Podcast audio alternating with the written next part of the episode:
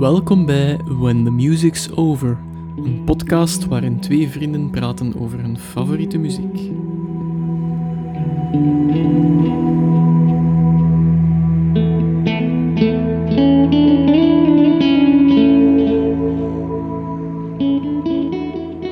Hallo iedereen en welkom bij een nieuwe aflevering van When the Music's Over. Ik ben Dave. Ik ben Steven. Hallo!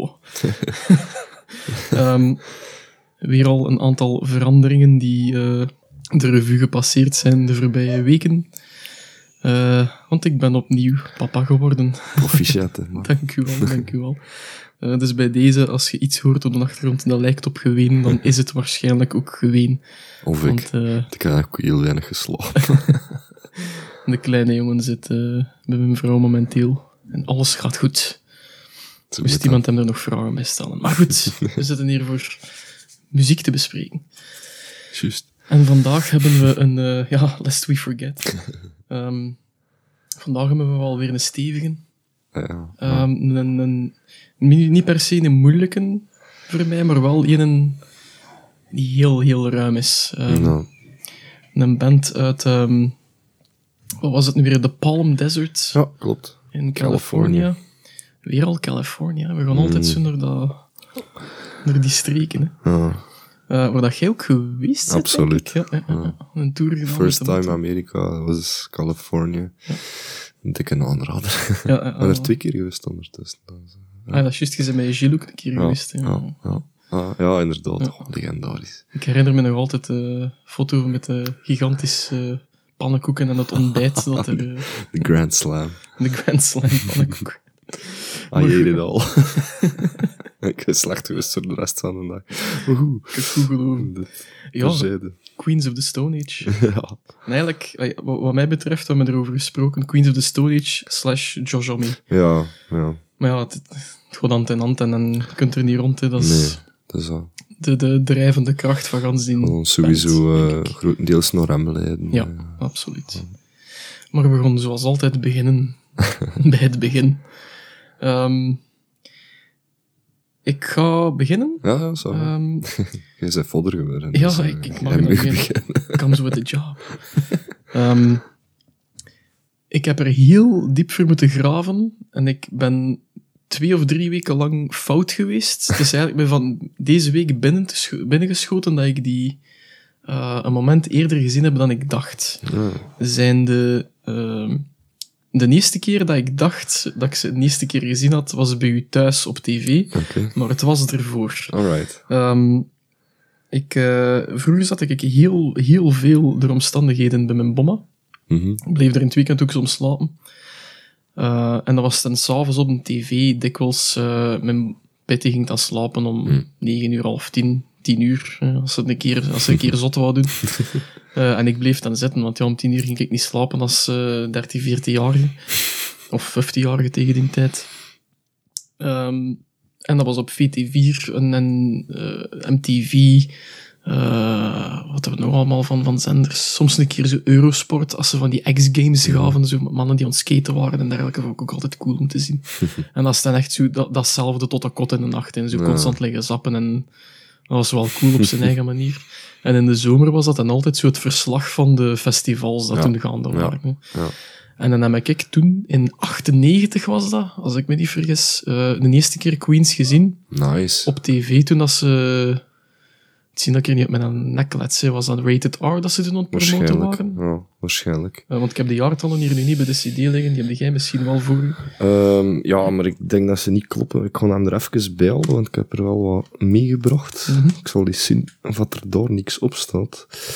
En dat zou rond 2000 moeten geweest zijn dat Rated R uitgekomen Dat is. zal het misschien ook een diene van de voor geweest zijn, want ik dat weet, is Quotza self-titled. Ja, eh, ja. ja. Die, is, die is van 7 of 98. denk ik. Ja. Dan denk ik 98. Ja. Het kan misschien ook 99 geweest zijn, er wel vanaf zijn, maar het zal dan sowieso niet Rated R geweest zijn. Dat is, Rated R is helder eh, mainstream Ja, wel geweest. Dat was een verslag van Pukkelpop, denk ik, dat ze toen eh, verschenen zijn. Ik, ik weet niet of dat op Canvas was of op Kanaal 2 toen. Mm. Ik denk dat de kans groot is dat dat Canvas zal geweest zijn. ja, daar wil ik nu van af zijn. Ja. Maar alleszins, ik weet niet welke nummers dat ze gespeeld hebben, maar ik herinner me vooral nog eh, die een bassist met zijn sick, hè, Nick Olivieri. Ja, ja. Laat ons zeggen dat die... Figuur. Ay, nu, als je die ziet, is dat fairly normal, maar toen als 15-jarige heeft hij wel even indruk gemaakt, want hij was wel Dat is een, een dat was een bijzonder lange sik. Eh, en die, die redelijk zotjes op het podium stond er zijn bloed bovenlijf. Buiten ook. hamerde wel vrij hard op die bas. Ja, er buiten ook, daar gaan we het zometeen nog wel over hebben. Eh, en dan heb ik die opgevangen. En ik, ik- die naam is blijven hangen. Queens of the Stone Age. Dat is een, Ja. dat is een harde band. Dat, is, dat is een zware man. Ja. Ehm, dan fast forward een paar jaar. Eh, ik heb dat in de vorige aflevering ook vermeld met Blink, dat ik toen... eh, ik kon het deze keer goed zeggen, want ik heb dat al twee of drie keer in Addenda moeten zetten. Het is niet Audacity, het programma waar Juist, ik toen ja, mee downloadde, gelezen. maar Audio Galaxy. Ja. Let it be known for once and for all. Audio Galaxy.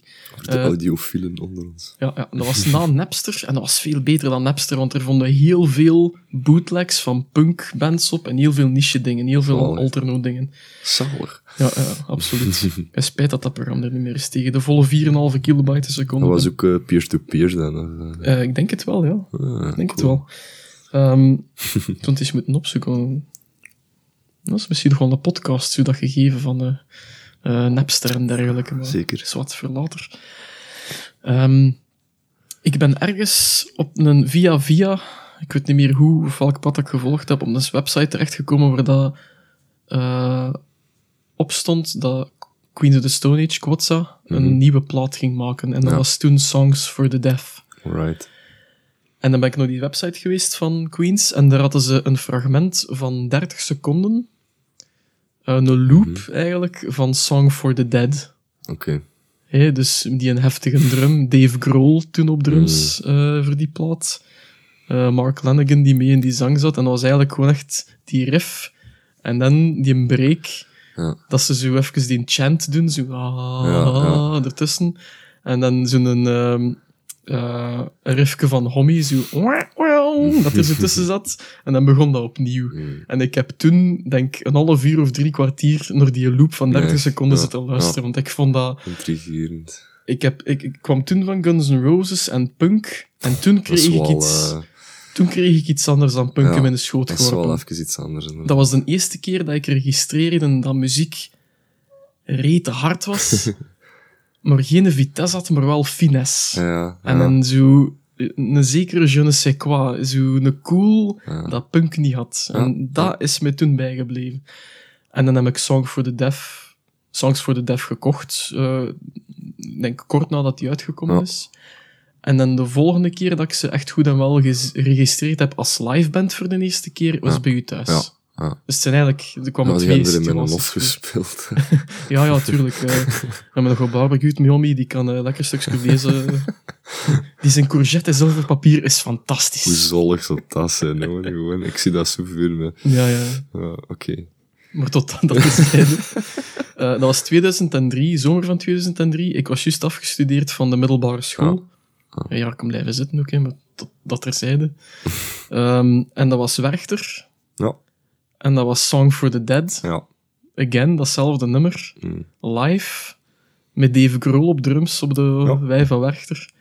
En dat was waanzinnig. Ja. Dat was, denk ik, bijna dubbel het tempo van tempo op de plaat. Dat, dat schoot ook echt uit in tv. Dat, gewoon. was, dat knalde uit in tv, die geuren en kleuren. En we zaten er alle twee moe op om te kijken van, wat voor beesten zijn dat, man.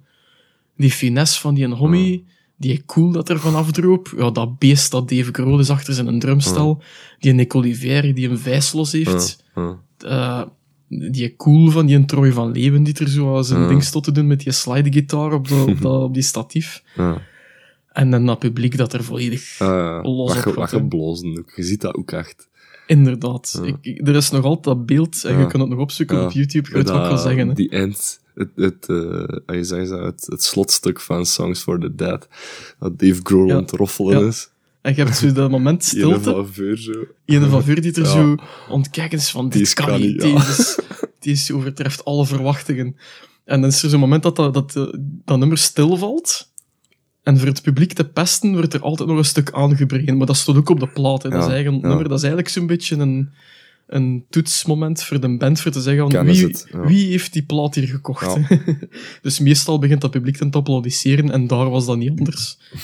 maar je ziet Krolt en echt zo gespannen kijken nee. en je ziet die kop echt Ja. zo snel opzij gaan. De, zo like een klein kind van, ja, mag ik al, mag ik al, mag ik al. Dat is toch echt op mijn harde schijf gebrand, je dat je nou beschrijft. Dat is ongelooflijk. Dat is, dat, Ja. dat is echt blijven hangen van één keer Ja, zien. Hè. Want het stond ook op YouTube. Ik heb het ondertussen nu wel een paar keer opnieuw gezien. Maar dan barst dat terug los. En eh, dat, is, dat, is, dat is fantastisch. Ja. Dat is gewoon echt geniaal. Dat is een van de meest geniale livestukken dat ik in mijn leven gezien heb. En ik herinner mij ook nog van dezelfde nummer.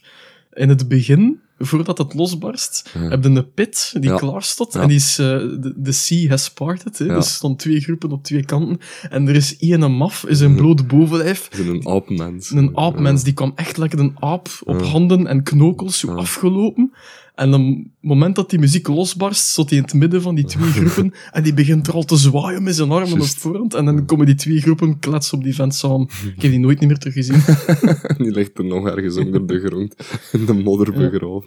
Maar eh, je merkt om mijn, mijn, eh, mijn een uitleg dat dat... Ja.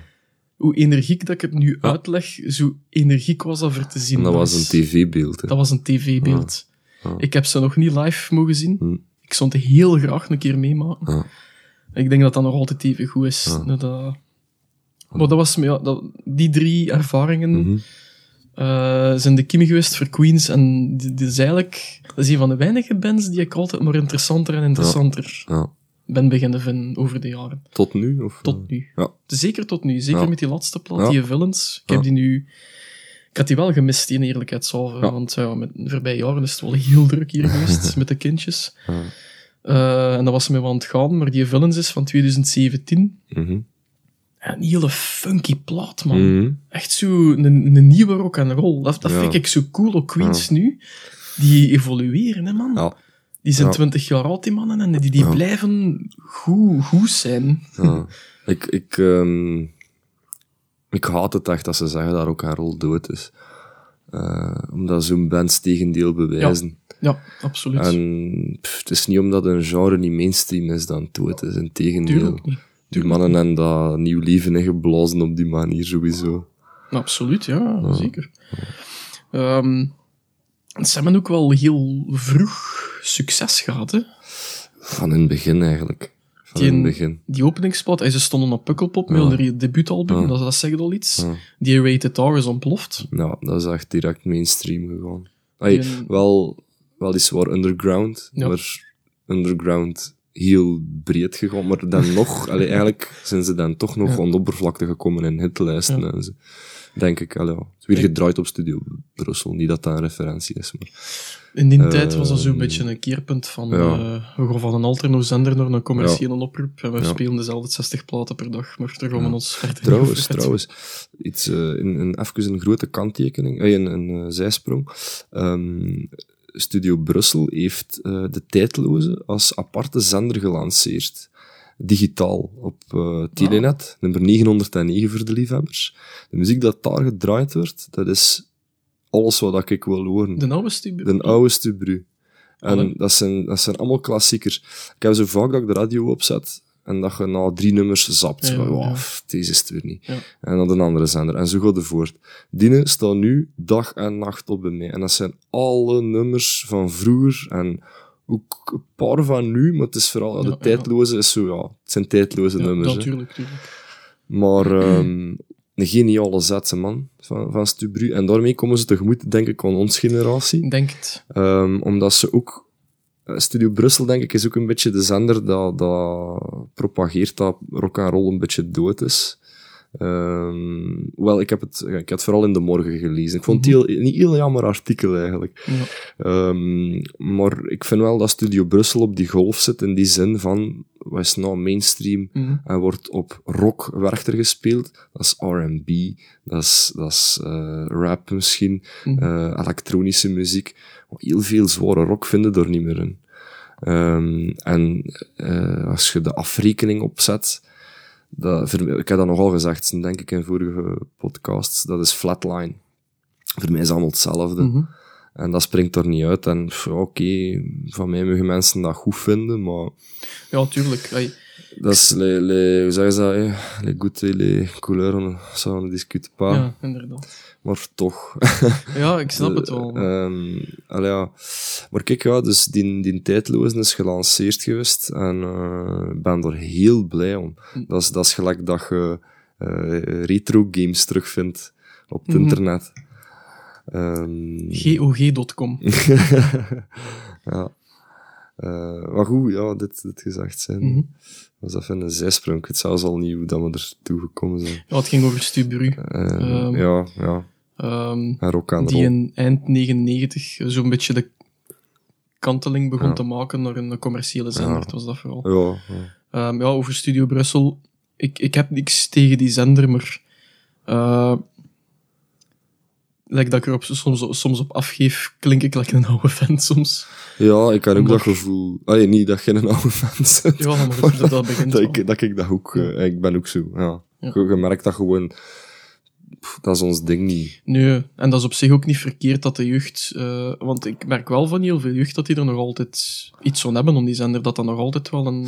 Wel, maar wat mij dan precies opvalt is van... Ze vinden hun ding goed, het hedendaagse. Mhm. En dan leggen ze zoiets op, like iets van de tijdloze. En dat vinden die waanzinnig goed. Dus dat, Ja, dat snap ik dan niet goed van, ja, maar ja, waarom grijpt het daar dan niet terug naartoe? Waarom, ik, ik vind dat er heel veel oppervlakkige bagger ge- geproduceerd wordt gewoon. Ik denk dat dat ook een ding is van een tijd, dat dat... Vluchtig en... en- Het internet heeft heel veel opengesmeten voor mensen. Mm. Ook hoe dat ze muziek moeten maken. En Mm. met de technologische vooruitgang zijn de instrumenten Ja, die nu gebruikt worden. wel kwalitatief fantastisch. Ja, kwalitatief goed, goedkoper. Ja. Dus heel veel mensen, meer mensen dan vroeger kunnen muziek maken. Dus je hebt meer variatie. En ik denk dat dat daar vooral ook uitgegroeid is. Ja. Ja. Ja, Ehm, maar ja, dat gezegd zijn, ik snap volledig het punt. Eh, ik kon ook wel een keer kijken, want ik wist het niet. echt het Dat is, een zaligheid. Dat is, van zo terug een keer radio, het is dat weliswaar digitaal, van dat terug te kunnen opzetten. Ja, ja. En gewoon hem aan laten staan, ja. dat is... Dat, is ehm, nee, dat, dat, dat draagt een beetje bij tot de rust in de ruimte. Zo. Ja. Eh, ja. Ja, de, mijn vrouw ging even slapen. Slap wel. Ik moet altijd nog eens naar mijn, eh mijn nieuweling kunnen kijken. Tuurlijk. zodat hij- Ehm, Ja, nee, dat is eh, zeker, zeker checken. Ik hoop Ja, dat, hij, doen. dat hij lang blijft bestaan. doen, Het ja. eh, staat echt al, denk ik, 14 dagen non-stop op. En, Absoluut, eh, ja. Dat is fantastisch. Ja. ik moet nu weer denken aan eh, de nieuwe van Ramstein, die grappig genoeg radio noemt. Gaat dat zien, mensen? Ik heb, ik heb een kwartier strijk geleden. Geniaal. Maar goed, eh, ik zet eigenlijk veel te weinig radio op Mhm. In, in de week. Ik zou dat wel wat meer willen doen, dus misschien Ah, wel, ik denk, dat, is, ah, wel, dat, dat, dat heb ik toch teruggevonden op die manier een beetje van... En het leuke is dat je ook de newsbreaks nog krijgt om het uur. Dus, het is, Ah, eh, oké, dus je ja. zit zo precies toch echt naar de Ja, radio ja, te luisteren, dat dan zou moeten zijn. Muziek, muziek, muziek. Even korte radiobreak Ja, ja. en terug muziek. Ja, je nieuwsbreak. Want vroeger vond ik dat geestig voor zo halve praatradio en halve muziek te hebben. Maar tegenwoordig is dat gat opgevuld en masse met podcasts. En we doen het zelf nu ook. Dus ik, als ik nu iets opzet, wil ik ook echt wel graag dat het muziek blijft. Ja. Want podcasts, daar luister ik nog op totaal andere momenten dan, dan eigenlijk in de living thuis. Ehm, maar ja, Queens of the Stone Age. Yes. Aan u de beurt. Jij de Ja. eerste keer... eh, Ehm, Gezien. ik grijp terug naar, ik denk, 1998 programma op Studio Brussel. Dus eigenlijk is het niet zo ver gezocht, de link eh, met Studio Brussel. De Bom. mhm. Ehm, waar dus, ja, een programma op Studio Brussel waar het hardere genre Ja, aan bod kwam. Punk en metal zijn ze Ja, samen. een beetje van, ja, als, het- als het eh, ha- hard was, weer dat er wel Ja. in gedraaid.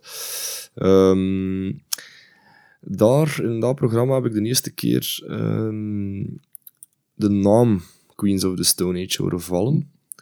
En dat was een nummer dat ik tot aan de dag van vandaag nog altijd zoek. Ehm, het was een lid van Queens of the Stone Age dat meewerkte aan dat nummer, dus in die band zat. En ik ken het nummer alleen aan de drumpartij. Hij kan ze ook spelen. maar ik weet niet wat er, hoe dat refrein ging, textueel of zo. Maar ik, ja, echt, echt vreemd. Maar ik, eh, ik herinner mij, ah, dus vol een bak die drumpartij, en ik herinner mij ook de sound. En dat doet mij vermoeden dat het Joe Zombie was, dat er uh, in meespeelde. Um, maar goed, dus dat was Queens of the Stone Age. Dat was een heel... Ja, sorry mensen, ik weet echt niet welk nummer dat is. Um, ja, ik kan u ook niet helpen. Tenzij dat je een drum gaat beginnen uh, ja. beschrijven. Um, maar goed. Um, ik zal het eens drummen, vooral, als je, als je nog iets... Ja. Misschien, ik weet niet of je dat via Shazam zou kunnen tegenwoordig. Ja, misschien, misschien, wel, wel. ja. misschien wel. ja ik zal dat en je hebt geen melodieën meer? Jawel, jawel. Ik wil dat, ik dat hier nu niet zeggen. Ja, nee, nee. Subiet on-off-air misschien. Ja, even, ja. Uh, ik heb zo'n buikgevoel dat het misschien Avon gaat zijn. Serieus? Ah. Ik weet... niet. Ik heb me niks van informatie gegeven, maar dat is gewoon het eerste dat in me opkomt. Ja, ja. Checken dat. Dan zetten we dat in het uh, addendum of zo. Um, dus ja, Queens of the Stone Age. En dat was toen al inderdaad, die sound zat erin, uh, in dat nummer dus. Dat is echt raar, ik ben echt over iets aan het praten dat het al niet bedoeld is, maar goed. Um, en het, uh, het stonergehalte zat er, zat er vol een bak in. Psychedelische zat er vol een bak in. En dan wist ik dat al van, inderdaad, zo zware man. Uh, die scene zo. Mm. Uh, en dat is iets dat... Hey, die naam Queens of the Stone Age, ik heb dat er altijd mee blijven associëren. Van, dat is een fucking zware man. Uh, zo, de band uit Amerika. Ja, ja, ja. ja. Uh, uit Californië. En um, maar goed, ja, dat, tot op die moment had ik eigenlijk nog nooit bewust naar, naar uh, Queens of the Stone Age geluisterd. Tot als dan inderdaad dat moment er kwam dat we dat op tv zagen. En ik wist, op de een of andere manier was dat aangekondigd mm -hmm. van... Um, Queens of the Stone Age zit in dat programma. Dus wow, dat wil ik zeker zien. Uh, ik wil, dat wil ik nog wel een keer zien. En dan was het dan dat. Uh, song uh, for the Dead. Um, met Mark Lanigan. ja, dat is nog zo'n... Dave Grohl on drums ook, inderdaad. En dat, dat, wisten we toen nog niet. Dat Dave Grohl had uh, meegewerkt aan, dat album, Songs for the Dead. Ja, nee, juist, juist. Dat, dat is belangrijk. Dat is belangrijk, want we hebben die eerst gezien toen bij u thuis. Ah, wel, voilà. We keken naar die tv en Dave Grohl zit achter die drums. Ik denk dat we... Dat is in de podcast van Nirvana, denk ik, is dat aan bod gekomen. Dat dat zo'n ja. legende is. Ja. En uh, ik weet dat we echt zo door elkaar... Is dat, is, dat, is dat Dave Grohl? Nee, dat kan niet. Dat, kan, ja. ja. dat is hem, dat is hem. En dat was hem effectief. Dat is zelfs de eerste en, keer, denk ik, dat, dat, dat, dat, dat gegeven van een, een Live drum, denk Ah ja, zo, ja, ja, oké. Okay, ja. Dat gegeven van een supergroep ja, dat, wij, ja. dat wij zagen. Dat, uh... Ik denk dat dat de eerste keer was dat ik Dave Grohl live zag drummen vanuit de living. Maar dat is ook al zo gegeven, wij grokten niet op Werchter, wij. Toen grokten we niet op Werchter en nu willen we ze op Werchter. dat is... nee, maar dat was wel... Allee, voor ons was dat... We hadden er graag geweest, maar dat ging ja, niet. Ja. Om praktische redenen niet. Uh, om financiële redenen niet. ja. Maar wij beleefden dat wel mee. We, er, er bleven we echt een middag voor thuis om gans dat verslag te zien. Dat duurde twee uur en een half of drie uur. En we hadden dat echt wel geanalyseerd echt, op die momenten. Van dat is goed, dat is slecht, dat is bagger, dat is... En, en, en dat was een rechtstreekse link om, om groepen op te zoeken. Ja, dat is voor mij echt een toetspunt geweest van hier ook nieuwe dingen zien en waar ik nood van moet maken. En dus Queens of the Stone Age werd aangekondigd. Ja, oké, kijk, kijk, naar Queens of the Stone Age. Fucking Dave Grohl on die drums. Uh, detail, zijn drums waren versterkt met zandzakken. en nog moesten de roadies symbolen rechterhouden. Omdat hij gewoon te hard klopt op die ding. Uh... Niet gewoon. Maar dus dat, dat beantwoorden dan alle verwachtingen. Zo, die zat in en dat is gewoon... Dat klopt. Dat klopt atoombom. een bus. Niet gewoon. En dan is dat inderdaad, die, die riff... Dat, dat, dat is on... Ja, ik, ik, ik kan het moeilijk onder woorden brengen zelfs, tot op ja. de dag van vandaag. Dat is ongeëvenaard gewoon. Het zijn twee dat, dat, Ja, maar die sound zo zwaar. Ja. En dan komt die Mark Lanigan, een halve zot gewoon. Met zijn kaasrasp van een stem. Uh, ja, klaksken op en een karo emmeken, ja. zo een heel billy bij Stond er gewoon in fucking België ja. te kijken naar dat publiek van... I don't give a fuck. Gulder zit allemaal dood voor mij. Kom hier gewoon mijn ding doen en that's it. En die cool dat er afstraalde, man. Dat was zo je hebt, Episch. Je hebt mensen die zich een attitude proberen aanmeten, maar die mens... Die was attitude. Die moest geen moeite doen. De, die, die, nee. Dat was een belichaming, inderdaad. En, en eigenlijk in dat nummer stond... Uh, eh Joss ehm Homme een beetje op de achtergrond. Ja. Maar die profileerde hem door wel als fantastische gitarist gewoon. Dat, dat, merkte je al in die solo dat hij er speelde van... Ja, oké, die, die mens die kan wel wat. En hoe dat hij er stond, want Ja. die is zo'n schwung in spelen. Ja, hè. dat, is, ongelooflijk. dat is echt zo, dat Die is man, voor mij, voor mij is dat... en we- we- ik denk dat we dat er wel over gehad hebben al ook. Ehm, ja, sorry als we soms in herhaling vallen, maar... Ook de supergroep. I don't er, give a eh, fuck. Ehm, nee, ehm, het, ehm, het nee, ik denk dat misschien hebben we het er nog niet over gehad. Misschien off-air over... ehm, niet over supergroups, maar zo stadionbands. Zo Ja, gro- ja, ja, ja, grote, grote bands, à la Pink Floyd, à la Led Zeppelin, dat dat niet meer bestaat. Zo. Ehm, en wel, ja, Queens of the Stone Age, misschien is dat wel, misschien zelfs nog meer dan de Foo Fighters. En, ja, ik, ik stamp continu mensen in onder de bal, denk ik, met mijn uitspraken. Maar ik, het is een gevoel in mensen, het is puur gevoelsmatig.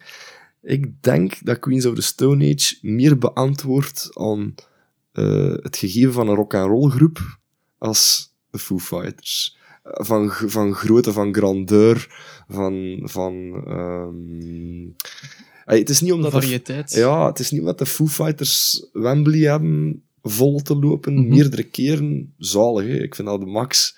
Maar Queens of the Stone Age vind ik op die een of andere manier meer rock and roll gewoon. Ja.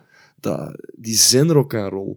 De, de Joss uh, als je hem ziet staan, dat, die is rock and roll, die belichaamt dat gewoon. Dat is, dat is, voor mij is dat echt een van de laatste bastions Ja. van pure, pure rock and roll. Like, we hebben het over de Ramones gehad, hè, met die punk. Mhm. Die hebben in zekere mate rock and roll terug een beetje eh, gered in oudere tijd. Maar dat is een beetje meer een gimmick geworden. Zo. Zwaar. Ja. Eh, Queens of the Stone Age niet. Totaal niet. En je weet, je weet sowieso als Queens of the Stone Age aankondigen van we zijn hier met een nieuw album, de rock and roll drupt eraf gewoon. Eender wat. En Ja, als je ja. ziet dat van nou wil ik een keer terug hè, rock and roll eh, horen, ah, wel ja, ik hoop dat dan gewoon het nieuwste album van Ja, Queens of the. Stone Age je gaat vinden. Ja, Ehm, absoluut. Maar dus om op uw vraag te antwoorden, dat was de eerste keer dat ik Queens of the Stone Age gezien heb ook. Ehm, en dan daarachter speelde ze Lost Art of Keeping a Secret. Ja. En dat is dan van Rated R. Ehm, Whatever you do, don't tell anyone. En ik vond dat zo spijtig dat dat maar twee nummers waren Ja. in die review. Ja, daar had ik wel meer van moeten zien. Ik heb een ganse zomer geteerd. Ik, had, ik, ik, ik pakte dat op toen. Ik had opgenomen, eh, want we hebben dan op- nog verschillende videocassette. ja, ja. Ik heb er een ganse zomer op geteerd. Ik heb dan, denk tegen het einde van de zomer die, die een album gekocht van eh, Songs for the Dead. Ik heb hem nog altijd. Ik leg, me- ik leg hem nog heel veel op. En, ehm wauw, een album, man. Dat, die plaat, hè, dat is meer dan eender welk album van Queens. Echt dat gevoel van die Ah, desert. Dit, is toch echt ook rock and roll ten top gewoon, hè. Daar begint de plaat ook mee. Ja. Die be- plaat begint met iemand die zijn auto stapt. Ja. En die zet zijn radio Ja. op en die begint te rijden. Je zit gewoon in, in Californië. Echt zo die lange banen tussen die steden. 100%. In de woestijn, goed weer, waarschijnlijk een cabrio. Ja. Dat, hè. Dat is gans die plaat. Maar dan ook weer zo En- met iets vuil aan. Iets, iets, Iets heel vuil. iets, iets Iets heel veel. Maar ze zijn, pervers ah, wel, ze zijn, ja, ze zijn echt, de leden zijn echt badass. Want dat is voor mij dan ongetwijfeld eh, die bezetting met uh, uh, Joss uh, Homme, ehm, Nick uh, Oliveri. Oliveri, Troy van Leeuwen, Mark Lanigan en Dave Grohl. Ja. Dat is een topbezetting. Dat is de bezetting dat is, dat is ja. topbezetting. Met alle respect voor de drummer dat achter Grohl Absoluut. gekomen is, want dat is ook een beest van de Dus ik denk Joey Castillo, Ja, denk. Castillo, inderdaad. Ja, de Neandertaler dat Ja, is. hè. De eerste keer dat ik die zag was in zijn blote bovenlijf. Die mens had zijn, eh, zijn onderkin kwam zo'n beetje verder dan zijn bovenste lip. Dat is echt een beest. Die zag eruit like de Neandertaler. Met alle respect voor die mensen, maar dat was ook... Fantastische drummer, hè. Geniaal. Ja. En een, een, verantwoordelijk voor heel veel songs, Ja. dat ik het begrepen had. Eh, die samen Ja, met Homie Zeker gecrediteerd zijn wordt voor- aandeel in eh, de drumpartijen en Queens of the Stone Age. Maar ja, dat is zoiets, die, die personages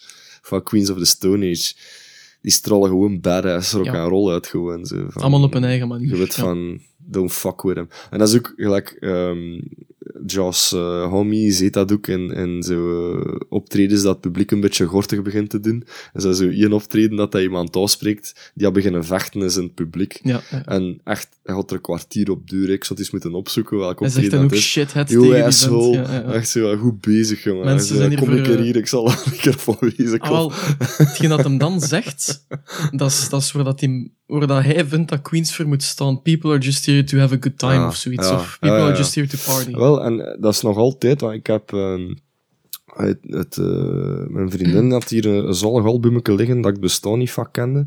ja, Dat is eh, Over the. Years en Through the Woods. Through the Woods. Ja. Live album. Heel, heel zalig album. Maar daarin zegt hij ergens achter het derde nummer van I want to have a good time, I want to get laid, I want to get drunk. En Dat ja, is dat is dat gewoon. Dat- En, en, maar op een, op een toffe manier. Zo, have a good time. Ja, ja, ja. Inderdaad. Dat is een hele... Voor een band die heel veel zingt over seks, drugs, verslaving. Ja. En eigenlijk zo'n beetje, ik zeg het er net, perverse kant van de mens, Ja. de vulgariteit van de mens Ja. naar boven haalt, is dan een heel positief... Hebben die, Dus- willen die een heel positief beeld Er zit veel... eh, Of positiviteit in het algemeen, ik zou het eh, er zeggen. zit een, een diepe laag in. Ja. Dus, dus, dus heel intelligent, Ja.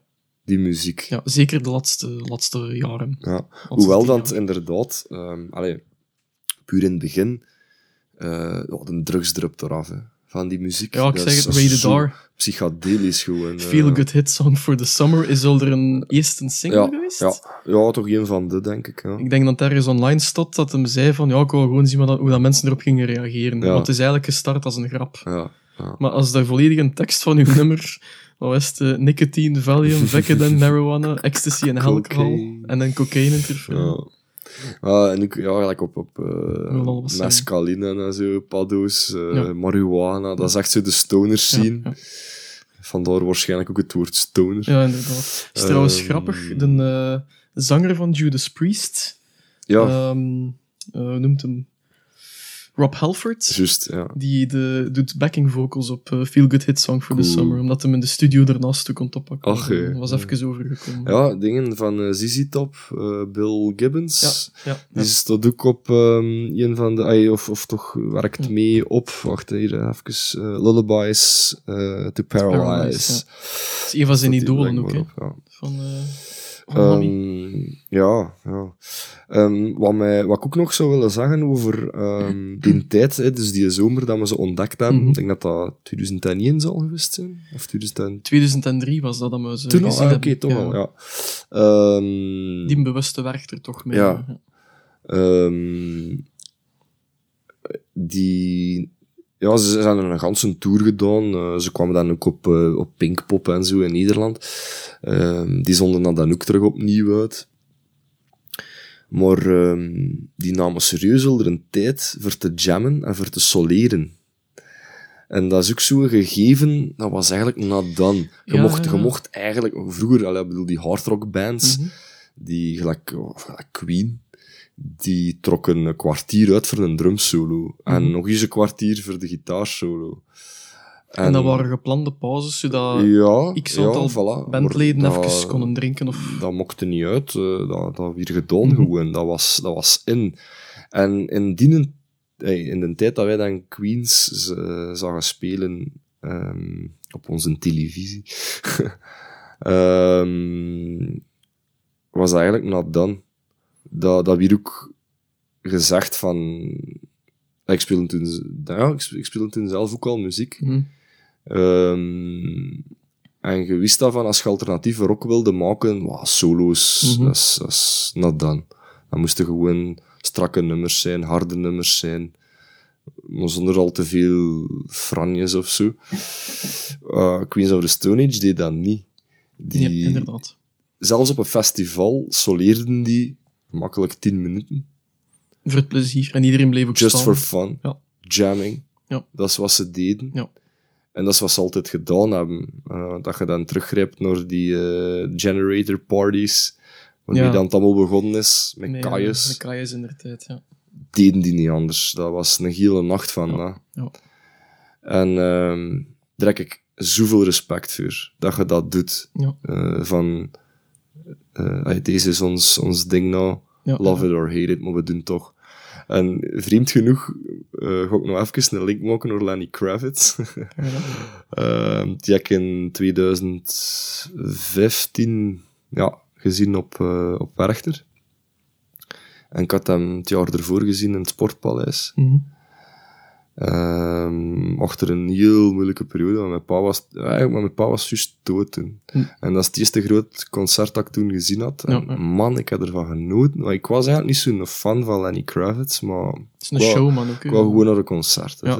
En dat was een goed concert, dat was fantastisch goed. Maar dus die, die mannen, die soleren ook los in die nummers, zolang als dat ze willen. Ja, ja. Ehm, ik was heel erg aangenaam verrast van toen die een eh, ehm, solo-gitarist van, van Lenny. Eh, echt een, een zalig goede gitarist. Hm, ik ken hem niet naam. Ja, wel, ik kon, het, eh, ik kon dat eens opzoeken tegen de podcast van Lenny Kravitz. Ehm, maar ja, die speelden toen in 2015 op Werchter. En eigenlijk was dat een beetje dezelfde set van in het Sportpaleis. Maar je weet, ja, in, in Werchter die maar 50 minuten of zo. Terwijl in het Sportpaleis was dat drie uur en half. Dus hij speelt Let Love Rule en hij soleert 20 minuten. Hij jamt, en niet, hij jamt 20 minuten. Respect. En ik had eh, gezegd tegen de mensen die mee waren, van, ehm, en, mijn, en mijn vriendin ook vooral, want die is er mega fan van, Ja, dat is juist. you're gonna love it. Van, Ja. We hebben die Ja. gezien in het Sportpaleis, dat is fantastisch. En hij opende zo met Mr. Cab Driver, Ja, en inderdaad, vier zat er goed in. En dan begon hij te jam.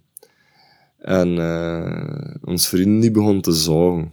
Van, allee, die, die, dat moet hij nou niet doen, dat moet gewoon zijn hit spelen. Manneke, ik zweer het, ik stond er, ik was scheiden zat, maar goed. Eh, dat is toen trouwens dat ik al vriendin tegengekomen zijn. Ehm, ja, die was er toen alleen met haar zus. En ehm, dat was in de periode, ja, ik denk juist voor ja, dat dat eerste kindje ging gemaakt worden ja, eigenlijk. ja. je echt zo, je had met een nek zitten lul. Ze zat of iets. Dat komt goed, jongen, je moet er vergaan. dat was echt een zever. En ja, ik weet echt niet wat die dat, dat kind allemaal ging lullen hebben. Maar dat was echt gemeend. maar dat was zo de sfeer zo van peace, love en rock and roll. En ik vond dat een max, dat, dat Lenny Kravitz er rond, ontgaan was. En dat, dat was echt zo van, dit is rock, weet je. Als je, dan spreekt over Queens of the Stone Age, rock and roll, ah, wel, Lenny die was er echt om te rocken, jongen. Ja, echt ja. niet te doen. Ehm, en ik heb er verdomd veel respect voor dat je dat doet. En dat je er een mee laat leeglopen, want Ja, natuurlijk. scheiden de kaf van het koren. Neil Young heeft dat trouwens ook gedaan, op de Lokerse feesten. Is dat? Hij is denk begonnen toen met Like a Hurricane. Mm. Zo kunnen dat ik neig mis ben nou. Mijn schoonpa zal dat wel weten. Mm. Ehm, is 20 minuten beginnen jammen op dat nummer. Het eerste nummer. Dat was echt het eerste nummer. Ja. En ja, dat liep ook leeg. Ja. En mensen waren kwaad. Echt kwaad. Van, eh, dat, dat doet niet. Jawel, dat doet hij wel. Tuurlijk. Want dat is een muzikant. Ik wil er stotteren door die muziek te luisteren, Ja. even door singles te Voilà. En mijn schoonpa, mijn schoonpa mega fan van Neil Young. Dat is een number one. Als we een Neil Young podcast doen, moeten we dat met hem doen. Maar eh, ja, die mens die was in de wolken. Hè. Die, Ah, die zijn nacht kon niet meer stuk. Je hoort een uniek En- spel eigenlijk van, van die mensen. Voilà, ja. En dat, dat doet Queens of the Stone Age ook. Ja. En ik heb er bangelijk veel respect Absoluut, voor dat je dat ja. durft. Ik vind dat ook. Allee, je gaat nu net die eh, generator parties aan. Mhm. Dus voor de context, voor de mensen die dat niet weten. eh, dus in, in 87 is Caius gevormd toen dat Josh Homme 14 jaar was. Goh, is dat waar? Ja, 14 Fucking jaar. jongen. Eh, ze noemden toen Katzenjammer. Ehm, dat is nog voor Sons of Caius dan. dan zijn ze naar Sons of Caius gegaan. Shit, man. Dus trouwens, ah, ik kon nu, we zijn hier tangents aan het geen naam heeft. Wow, Sons of Caius. schuld van de duivel. Ehm Caius is een naam die terugkomt in eh, een van mijn andere hobby's. Zijn de Dungeons and Dragons. Alright, de link. In eh, de eerste editie van Advanced Dungeons and Dragons, eh, er is een boek en die noemt de Fiend Folio. Dat is een boek waar dat allemaal monsters in staan, waar, dat je, met dat, waar je het spel mee kunt vullen. En een van die monsters is Caius. En dat is de, de demigod of death. alright. Of de demigod van de undead, moet ik zeggen. Dat is, eh, ze noemen die ook de Bone Master. Eh, The Worm God en The Worm That Walks. Maar, die mannen waren vier, tussen 14 en 16 jaar, dus dat klinkt cool. Dus tuurlijk gaat u een band Sons of Caius noemen. En Ja. daarna is dat Caius geworden. Dus wat deden die voor te feesten? Die gingen eh, naar de woestijn, naar de generators die er staan. En dat zijn generators voor de gebouwen. eh, ik weet niet wat de straatverlichting is, dat kun jij misschien. Zijn er Eh, lampen? ja, jawel, jawel. Ja. Dus, like, eh, je hebt dan over like, Palm Desert en Ja, Palm ja, Springs. Ja, ja, Ja, absoluut. ja. dat dan waarschijnlijk. Ja. eh, tankstations, Ja. road, roadhouses, eh, waar dat je kunt gewoon eten. Mhm. Voor die stroom te geven zijn er generators midden in de woestijn. Dus wat deden die man? Die reden met de auto daar naartoe, haar instrumenten. Plugden al de eigen rechtstreeks in op een generator met zo wat handigheidjes ertussen. En dat speelden die uren on een stuk gewoon. Oké, dat wist ik niet. Ja, Ik, dus- ik dacht dat ze gewoon zelf een generator op naft hadden of zo, en dat ze dan zo in de woestijn eh gingen ja, het is zo dat ze deden. Zalig. Ehm, Dat is echt nog meer rock'n'roll. dus dat is uren on een stuk. Gewoon erin pluggen en spelen. Even Eh, gratis stroom. gratis power. Ja. Ook omdat dat er, de woestijn is stil, dus die kunnen eigenlijk zo luid spelen als ze Eh. zelf wilden. En dat zijn waren echt sessies van uren dat die er deden. En daar is eigenlijk de stoner ontstaan in die scene. Dat is geweldig gewoon. Vind ik. Want eigenlijk is dat Mhm. in, in super symbiose met de natuur. Hè. Ja. bedoel, in, de, in de woestijn, zo, dat gegeven. ja, ja. Dus je zit er in de woestijn, dat is heel droog. eh, Donker. donker. Je speelt al met redelijk heavy rock. Ja. Dus je hebt zo van die jam sessies, die mannen zaten ook allemaal om de paddo's en de mescaline en whatever. Ehm, dus er hadden echt zo dat, dat die druggy feel en die drone van die stoner en die Ja. riffs die altijd maar herhaald en herhaald werden. En begonnen er zo wat teksten bij te betrekken, zo wat esoterische dingen. Stond ook redelijk dicht bij Dungeons and Dragons. Heel veel van die bands, gelijk The Swords. Ook zo heel, ja. heel, heel ja, ja, ehm, zalig. Oh, fantasy-oriented. ja. Ehm, je hebt er dan ook eh, een band, niet echt stoner, maar die hebben ook wel altijd al hun eigen ding gedaan. Masters of Reality. Ja, vaag. eh, Ja. De, de frontman daarvan is eh, Chris Goss. Oké, ja. Dat is dan producer geworden van Caius en die heeft ook Rated R samen met Homie geproduced en ik denk Era Vulgaris, maar ik ben er niet zeker van. Ehm, dus ja, had die generator parties daar. Dus daar komt ook die sound van, van eh, Queens in het begin vandaan. Hè. De, de erfenis van Caius, die stoner zit er zeker nog in, in die Ja. eerste twee albums. Maar vanaf Songs for the Dead zijn die er eigenlijk... Zit stoner in, maar vanaf daar zijn ze wel beginnen afwijken. hè. ja. Ehm, maar wat ik vind, en dat is misschien eigen om die generator parties en om die stoner, die zijn zo comfortabel met spelen en lang spelen en improviseren, Ja, ja. dat die een zekere cool over Ja. zich hebben, een Ja. zeker gemak. ja. En die zitten er echt niet in. Nee. Als, die speel, als je Romy ziet spelen, dan zegt ze van, nou, wat ga ik nu doen? Ik ga deze eens proberen. En die prutst met zijn versterker en die Ja. prutst met zijn gitaar. En je ziet die zo soms wat denken op, terwijl hij zo een beetje ont, ont funken is eigenlijk op dat podium. En dat vind ik een van de grootste sterktes van die Queens. Dat is, je ziet door een, een hoop mensen en die stonden er niet met stress. Die komen gewoon Hmm. op dat podium, die willen dat iedereen al er amuseert en die doen er het nodige werk voor. Mhm. Maar die stonden er vooral ook voor hun eigen te amuseren. Mhm. En dat vind ik, dat straalt er zo vanaf van Ja, band, ja, inderdaad. Heel veel speelplezier. Ja, en ik denk dat dat één op één ter lijden is naar die geschiedenis van... Dat moet zijn. dat die begonnen moet zijn. zijn. Ja, ja. Jams gewijs, zo. Ja. dat zit er nog altijd wel een beetje in. Dat is eigen als stoner, hè. heel lang, Ja, lange sessies, heel veel ja en toch, eh, repetitie. het intrigeert mij, hoe de, vooral zo hetgeen dat we zeiden, daar, daar kan ik nog altijd niet van over, van hoe cool dat die inderdaad zijn. Zo. ja, Van, absoluut. niet, niet alleen ehm eh, allee, cool van, van, van ik speel eh, allee, losjes uit de pols en eh, het eh, ah, ik grok hier Ja, ja. ik grok, ik grok hier echt niet uit wilt mijn zeggen. woorden Ehm, de flair ja. Niet boeksken. Ja. Nee, inderdaad. Eh, maar ook zo, het, het imago gewoon. Het, ehm hey, dat, dat is hetgeen dat we zeiden in het begin van de naam alleen al Queens of the Stone Age, als dat kwam, wisten van, nou wordt het zwaar. Ja. En dat is nog altijd, hè. Dat is, Zeker, eh, allee, ja. zeker. Die, en die hadden allemaal, die, die gasten. Ja. Ik vind zelfs Kaius ook, Als je... Vroeger zag je dus zo'n... ah ja, nog zo'n... Zo, ik ken een auto rijden met een sticker van Kaius op. Zo, het volk dat erin zat, dat waren... ah ja, dat wist ik van... Dat, ah, zware man, Ja, dat is relatief, maar... Dat worden geen dutjes. Ah, wel, ik heb die nu op... eh, die hebben op Werchter gestaan ook een keer Ja. in 95, denk ik. Toen dat ze met And the Circus Leaves Town Ja. eh, on tour waren. All-time favorite, hè, van Kaius. En zo Homie met zijn half lang Ja. haar nog toen. Ja. Die ziet er eigenlijk uit like een kindje bij bij Ja, jong manneke. Jong manneke.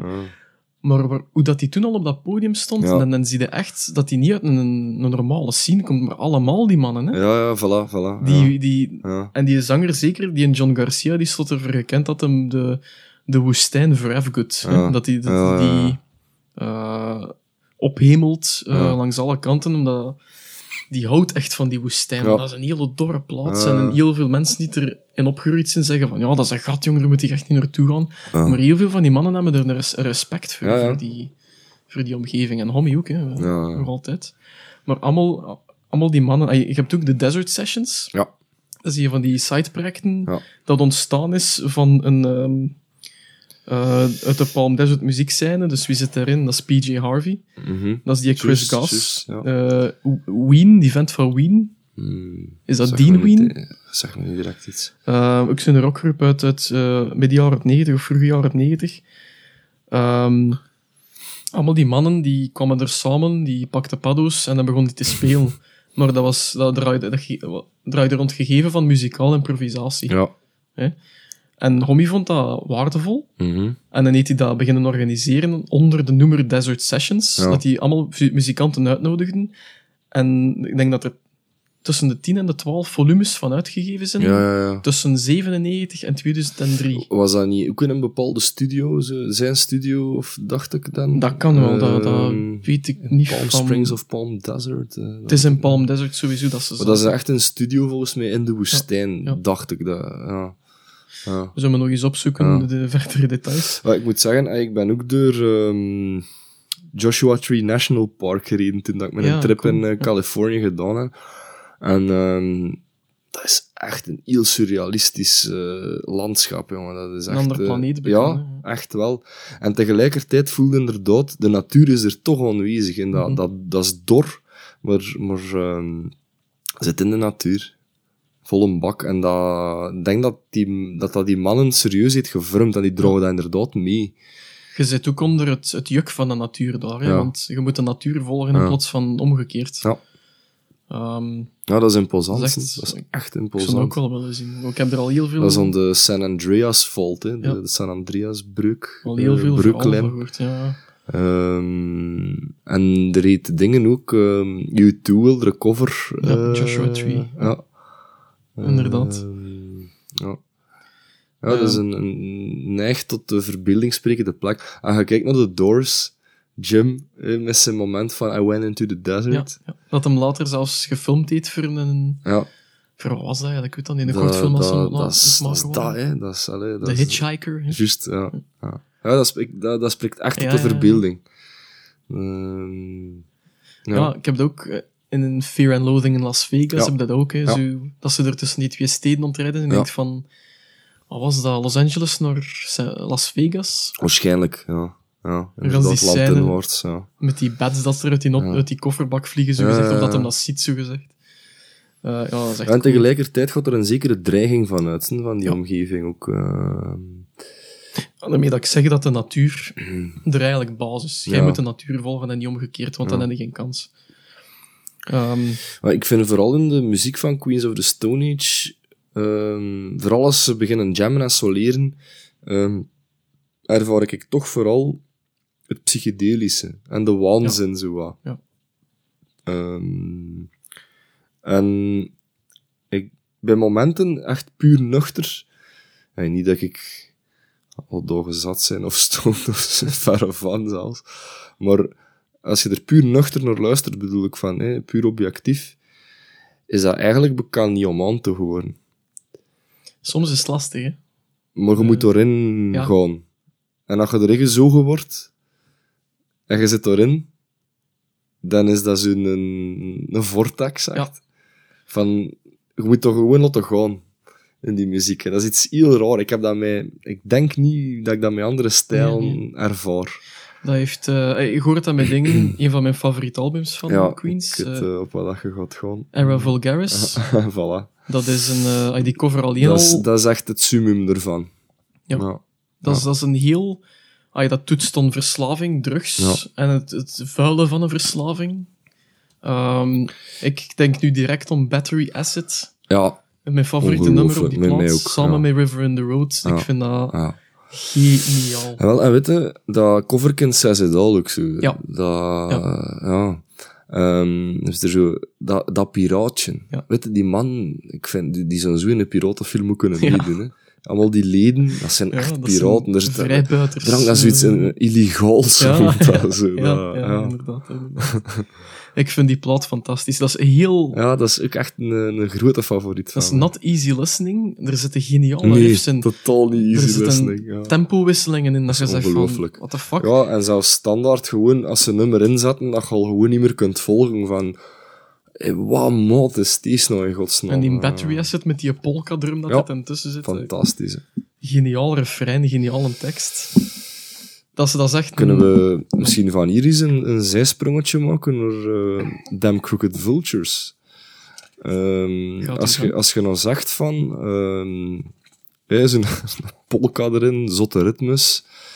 Ehm, ik vind Damn Crooked Vultures eigenlijk wel een, een ferm verlengde eh, daarvan. Een gepolijster verlengde. van- Ja, en eh, het refereert ook perfect naar hetgeen dat we in het begin zeiden van ehm, stadiongroep, want wie speelt erin mee? John Paul Jones van fucking Led Zeppelin. Ja, Supergroep, Ja.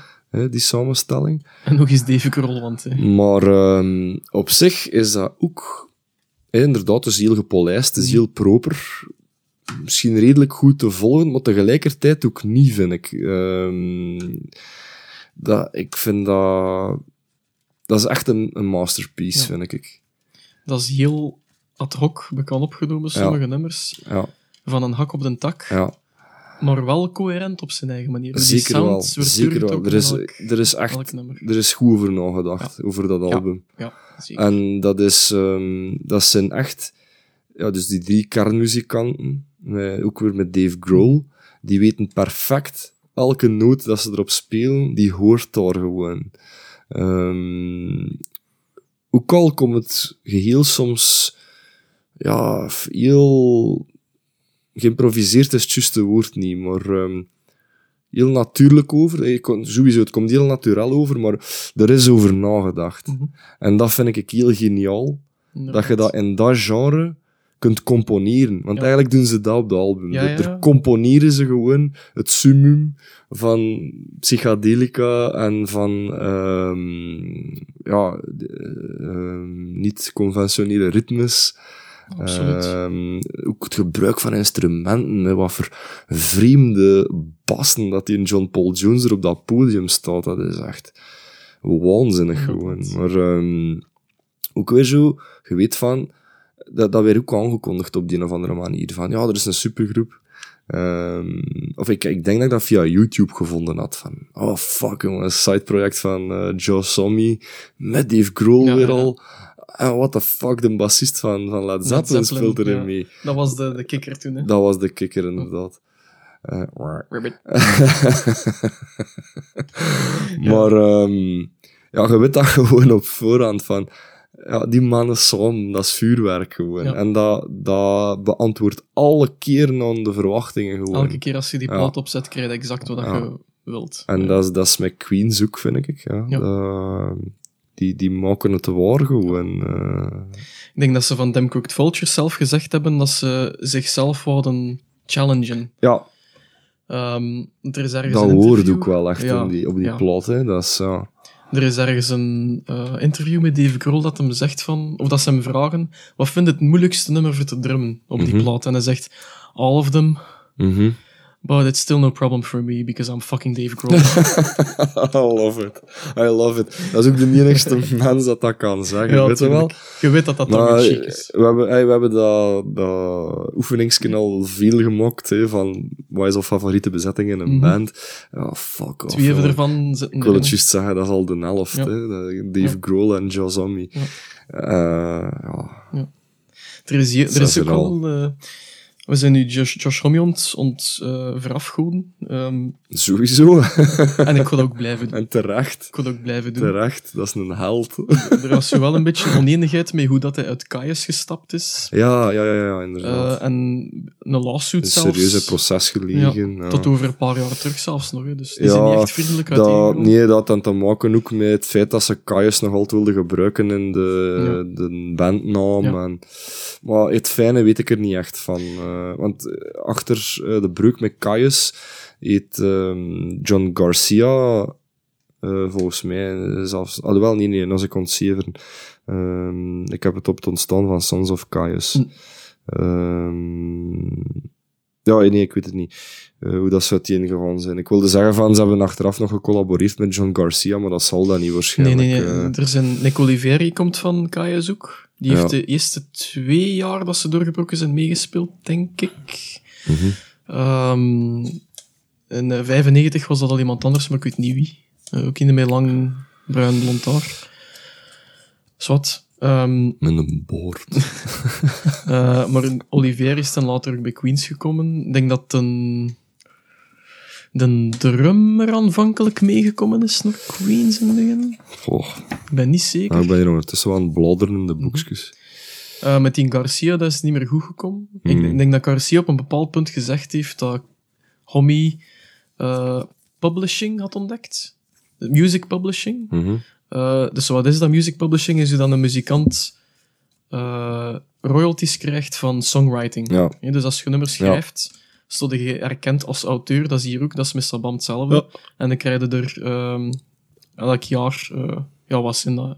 Ja, royalties. Hè. royalties, Ja. zijn dat dividenden of hoe vertaalde dat? Eh, geen Gewoon een idee. uitbetaling. Ja, dat is, dat is een uitkering. Ja, een uitkering Ah, ja. ervan. Hetgeen, het, het, hetgeen waar dat je recht op hebt, Ja. de, de rechten. Ja. En Homie begon meer en meer eh, die songwriting toe te eigenen. Mm. Ehm, en dat was niet, de mannen konden het er niet goed mee vinden, want die zeiden van, ja, doet dat voor het geld. Ehm, goed, daar ga ik geen uitspraak over doen, maar ik weet niet van veel werk van John Garcia van de voorbije jaren. Mm. Maar Homie is twintig jaar lang echt prominent geweest met hetgeen dat hij uitgebracht heeft. Dus dat is waarschijnlijk waar, maar dat is met reden, Mm. denk Ah, ik. wel ja, de, de verdiensten. Ja. Want ach- achter dat hij weggegaan is van Kaius, de sound van Kaius zit in Queens. Hè. Die Ongelooflijk. is prominent. Dat, dat wordt heel neig in ehm, Rated R. In die eerste twee Er zijn veel mensen Ja. dat zeggen dat je dat oplegt van dat is Caius. Ja, Nee, dat is Queens of the Stone Age, maar het is de gitarist die er Ja. verzorgt. En ik kon een beetje stout zijn en zeggen dat Josh Homme 75% Kaius was. Ja. ja. Met alle respect voor die andere Kan er man. niet tegen, hè. Gewoon, eh, Maar- allee, ja. Eh, dat, is mijn, dat is mijn persoonlijke mening erover. Het, het grootste talent is er wel uitgegaan, denk ik. ja, ja, die, die droeg dat wel. Ja. Dat is echt eh, een hele grote pijler geweest. Is trouwens getrouwd met Brody Dahl van de Distillers. Ja, Dat zalig. vind ik heel grappig, Oh, want zalig. ik heb die een debuutplaat van de Distillers Ja. toen ik in mijn punktijd zat Mhm. ook wel opgevangen. Dus dat is singelken Oh Serena. Hm. Eh, was ik toen zot van, zo heel snel, heel energiek, een, een schreeuwende vrouw op die zang. En later heb ik dan, eigenlijk niet zo heel lang geleden, een jaar of vier, vijf terug, heb ik vernomen dat dat zijn vrouw was. Ah, Eh, cool. Heel grappig. Ja, ja. Ehm, niet zo lang, drie, vier jaar denk ik zelfs nog maar. Want ze zijn getrouwd van 2014 of 15? 15 denk Oké. Ja. Ze heeft ook kindjes mee. ja, wist ik niet. Ja. Ja, wel, dat is zo...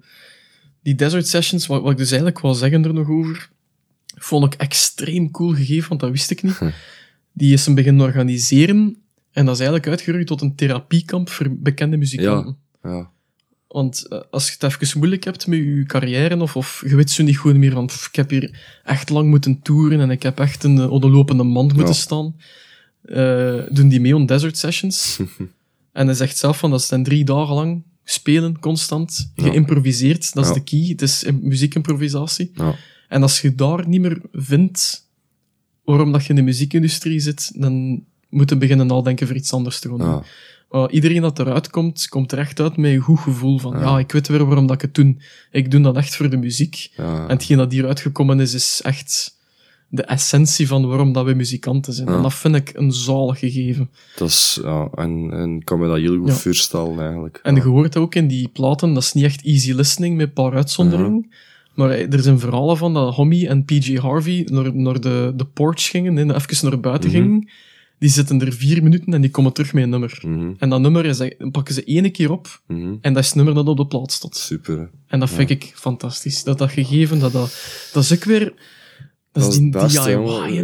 Dat, is, dat is dat DIY Maar gegeven dat er ik- weer in zit. Dat is ook zo...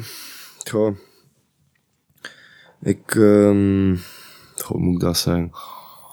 Ehm, ik heb eh, op professioneel niveau ook het advies gekregen van... Probeert te, ehm, een, een box eh, te maken, een tijdsbestek, waarin dat je iets gaat doen. Mhm. En knalt in dat Ja. tijdsbestek. Ja. Dunt gewoon. Ja. Alles wat gaat, vlam. Al is dat vijf minuten, stik het erin.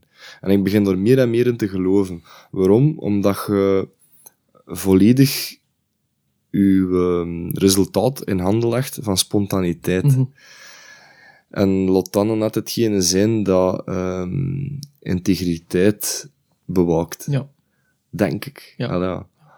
Ehm, ik kan niet zeggen als je een, ehm, een nummer goed doordacht bijpolijst, dat dat erom minder integer is dan iets dat je op vier minuten inderdaad opneemt. Maar Kan ik, het versterken. Ik, ik denk wel De dat ah, wel, het, het meest originele gaat zijn wanneer dat je het binnen dat Ja. kort tijdsbestek maakt. En ik denk vaak dat je er toch niet over gaat kunnen op die manier. Is dat ook omdat je met je rug tegen de muur stond langs de kant, dat je zegt van, ik heb nu dit en dat Ergens is alles dat ik heb en dat is alles dat ik... Ergens wel, je moet wel binnen dat tijdsbestek Ja. met iets naar buiten komen.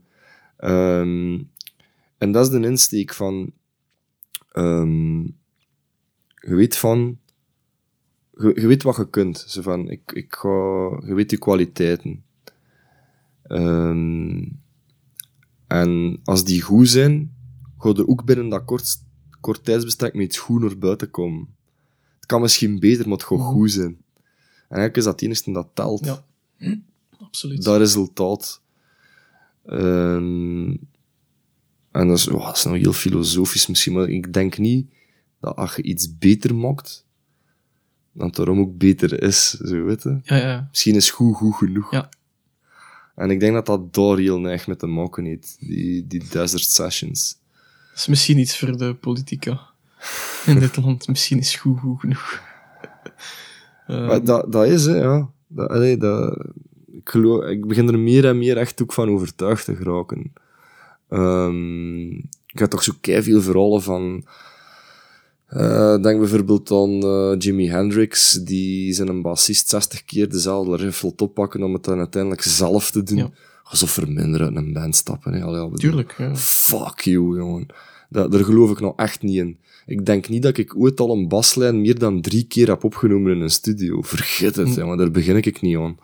Dat, allee, niet als het fout gespeeld is of zo, maar gewoon als je ze erop hebt gezet en het klopt, ja, dan is dat, hè. Ja. Dan ga ik niet proberen van dat nog eens een hele dag opnieuw in te spelen om erover te kunnen geraken. In tegenstelling tot wat veel mensen misschien een mening over hebben, je kunt maar zoveel gevoel leggen in een baslijn, denk ik. En een- je kunt maar zoveel gevoel leggen in een, een, een bepaalde partij. Ik, ik vind niet dat het nut heeft van, als het erop stond, stond erop, van er dan nog over te proberen gaan. Dat is ook de reden, ik heb zo het akoestisch project gehad, de Silent Thoughts Project. Mhm. Ik weet, als ik dat zelf oppak, gaat het nooit goed genoeg zijn.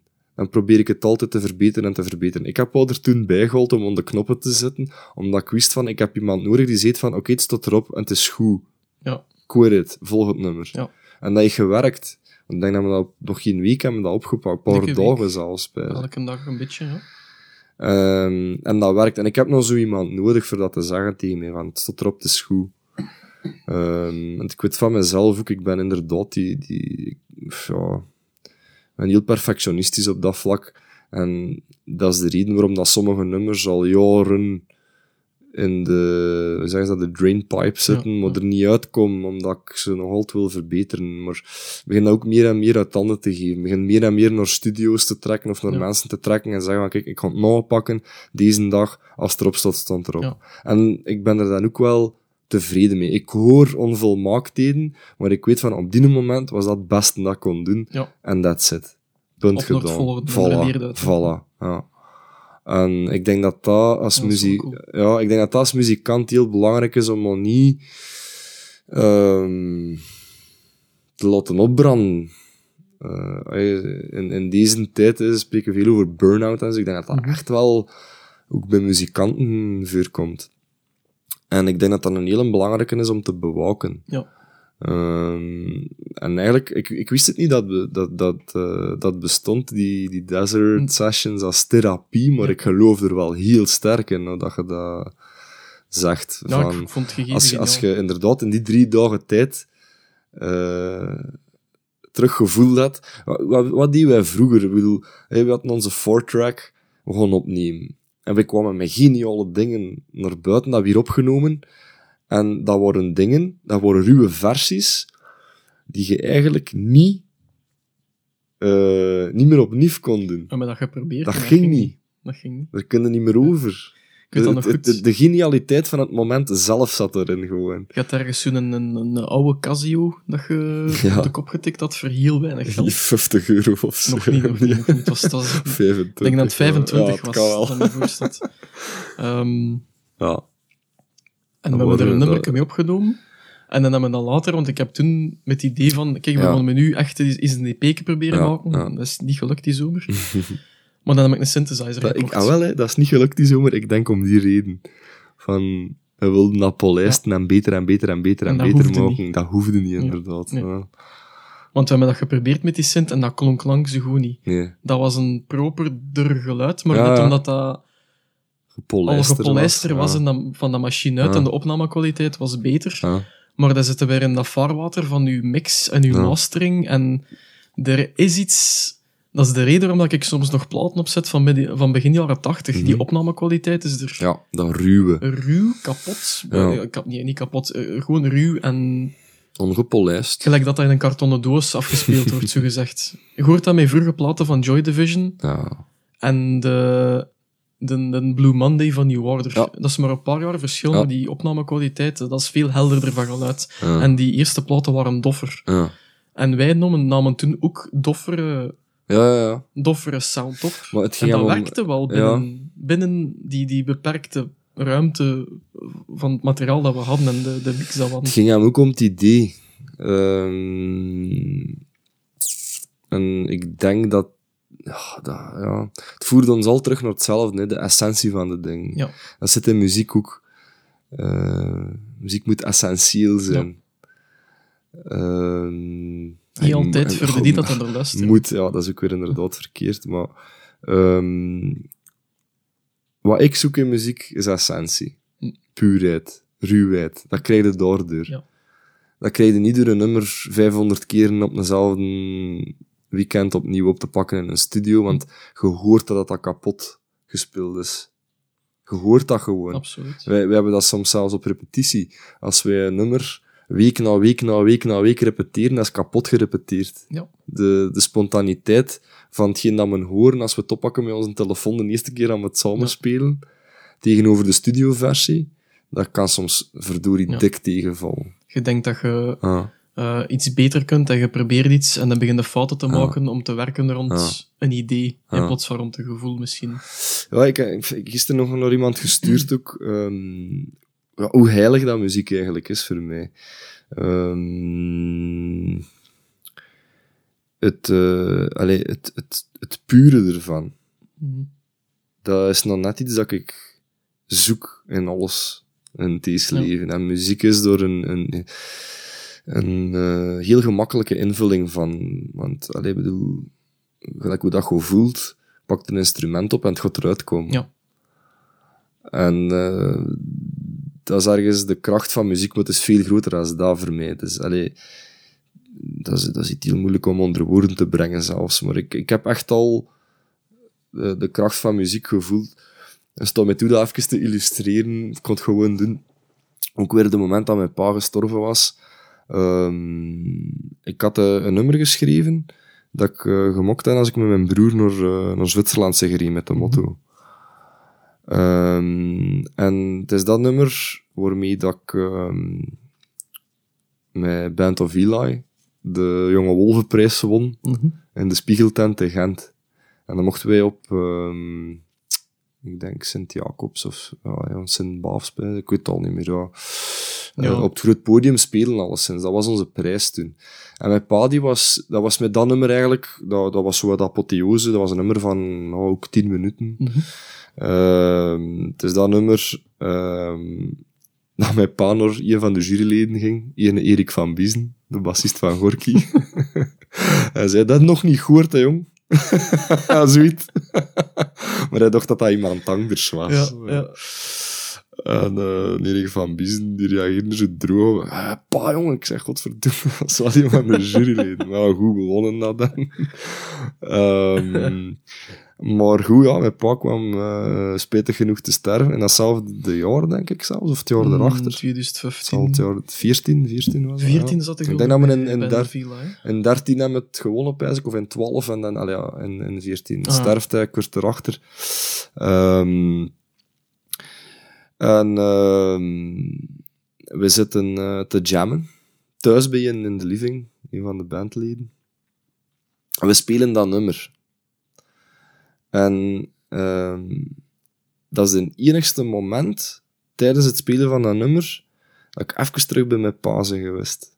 Gewoon om het feit van... Ik kende dat nummer en vond ja, dat... Ja.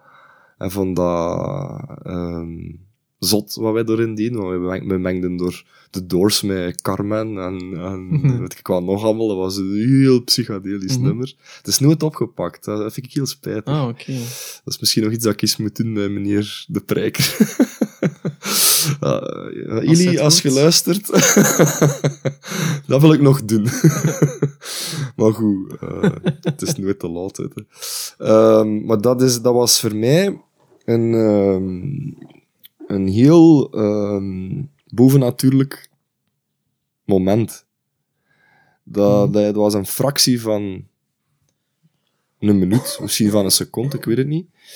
Maar Excuseer. de manier hoe dat ik de aanwezigheid van mijn vader toen gevoeld heb door het spelen van dat nummer, dat was grensoverschrijdend. Door tijd, door ruimte. Ja, ja, ja. Ik was bij hem. Ik heb dat nooit niet meer ervaren. Ik ook niet meer dat ik dat nummer opnieuw speelde of zo, maar op die moment was dat er, omdat alles klopt en zo. En dat, mensen, dat is de kracht van muziek. Uh, dat brengt dat boven. Je hebt die associaties met die... Ja. Met die en dat, dat, is eigenlijk is dat niet onder woorden te brengen. Ah, dat is moeilijk. Maar... Um, ja, er wordt heel veel geassocieerd met emotie op die momenten. En, en, en muziek kan dat oproepen. Dat is de kracht van muziek ook. Um, en daarom denk ik net, is het belangrijk om muziek op een momentopname te proberen vast te leggen. Ja. Ook al zitten er onvolmaaktheden in. Um, maar um, het moet de essentie van het moment vatten. En dan is dat een, um, een, een, uh, ja, een, een mijlpaal ergens in, in, in tijdslijn, zo, waar dat je telkens weer opnieuw nog kunt teruggrijpen. Um, de, het is een associatie met Ja, een ja, ja, gebeurtenis of een emotie of een, een verleden. Um, ja. En daarom snap ik heel goed waarom dat Desert Sessions zo werken. Ja. Om daar even op terug te komen. Een tangent van eh, tien minuutjes. Maar ik zou het niet beter onder woorden kunnen brengen. Dat is.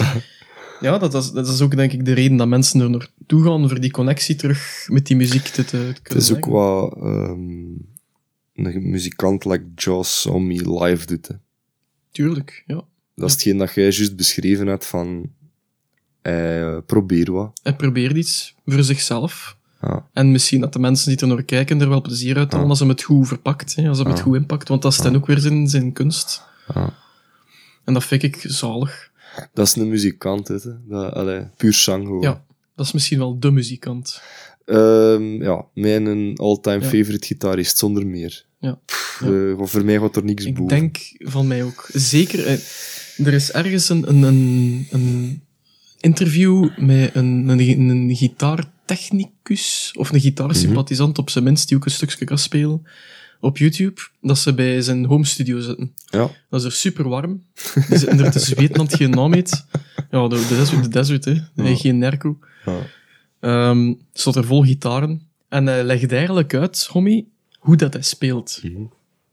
Geniaal. Hij is, eh, hij- ik denk dat hij op zijn negende of zijn tiende heeft hem gitaarlessen gekregen van de enigste gitaarman in de woestijn. Zal is een shamaan, zo. Ongeveer. Maar het enigste dat die mens hem kon leren was polka. Och, schitterend. Ja. Ja. zo, dat. Ja. Eh, en waarom speelde hij gitaar? Omdat hij geen drum kreeg van zijn ouders. Dat is de Ja. enige reden waarom dat hij gitaar is beginnen spelen. Dat vind ik ook al waanzin. hij, hij drumde ook in Eagles Hij kan Death drummen. Metal, ja, ja, hij kan drummen. Tuurlijk. Hij, hij heeft centjes genoeg. Hij zal wel een drum gekocht hebben op een bepaald punt. Eh, hij kan redelijk goed drummen zelfs. Ja, ja. Ehm wat wou ik nu zeggen? Ja, de polka. Ja, de polka. Ja, dat gitaarstijl. Ehm, en dat is hem blijven doen. Is hem op een bepaald moment met Sons of Kaius, ja, nog wel. Hij, hij heeft geen metal verleden, hij heeft wel een zwaar punk verleden, denk ik. Hij was eh, opgegroeid met Black Flag en Ja, dergelijke. ja, en ja, eh, de zo hardere, hardcore, hardere eh, ding. Ja. Ehm, dan is hem in die stoner gesukkeld, generator parties. Ehm, en als hem 13 jaar was, dus iets voor Sons of Kaius, zegt hem zelf, heeft hem ontdekt dat hij, als ze hem iets speelden, een akkoord speelden, en we speelden een pentaton pentatonic scale, dus Mhm. eh, waar dat ze mee soleren, vond hij, als hem iets niet deed, Hm. dat er een meerwaarde uitkwam. Dus wat wil dat zeggen? Hij speelde een noot in die, in die scale, één noot expres verkeerd. Ja. Eentje ernaast. Zo'n eh, een kruis in plaats van een Mhm. volwaardige noot. Of hij laat een noot weg. Een Mhm. noot dat je verwacht dat hij niet speelt. En hij, zegt altijd, hij heeft dan gezegd... eh, alles dat ik speel, draait rond iets weglaten. En die, die interviewer vraagt dan van... When, how long did it take you to figure that one out? I did it when I was 13 and I'm still doing it now. Dus dat vond ik wel Ja, weet waanzin. je, heel mijn zeven, dat ik er juist eigenlijk in declameren, wordt nou ook weer bevestigd Ja. door al. Hij laat dingen weg. Ja. Dus hij houdt de skelet Ja. over eigenlijk. Ja. Zonder tierlantijntjes. Exact dat wat hem zei. Ja. Hij dissect eigenlijk, Ja. hij dissecteert Het onnodige zo. het onnodige wat binnen die context van die pentatonic scale, pentatonic scale als nodig wordt beschouwd. Ah. Maar wat hij er, eruit wil halen is misschien niet relevant of Mhm. of hetgeen dat hij wil bekomen, het resultaat, is, niet, is die nood niet relevant, dus hij doet iets anders. Mhm. Dat is nu heel abstract uitgelegd, maar als je het filmpje bekijkt, Ja. hij geeft voorbeelden, hij speelt voorbeelden.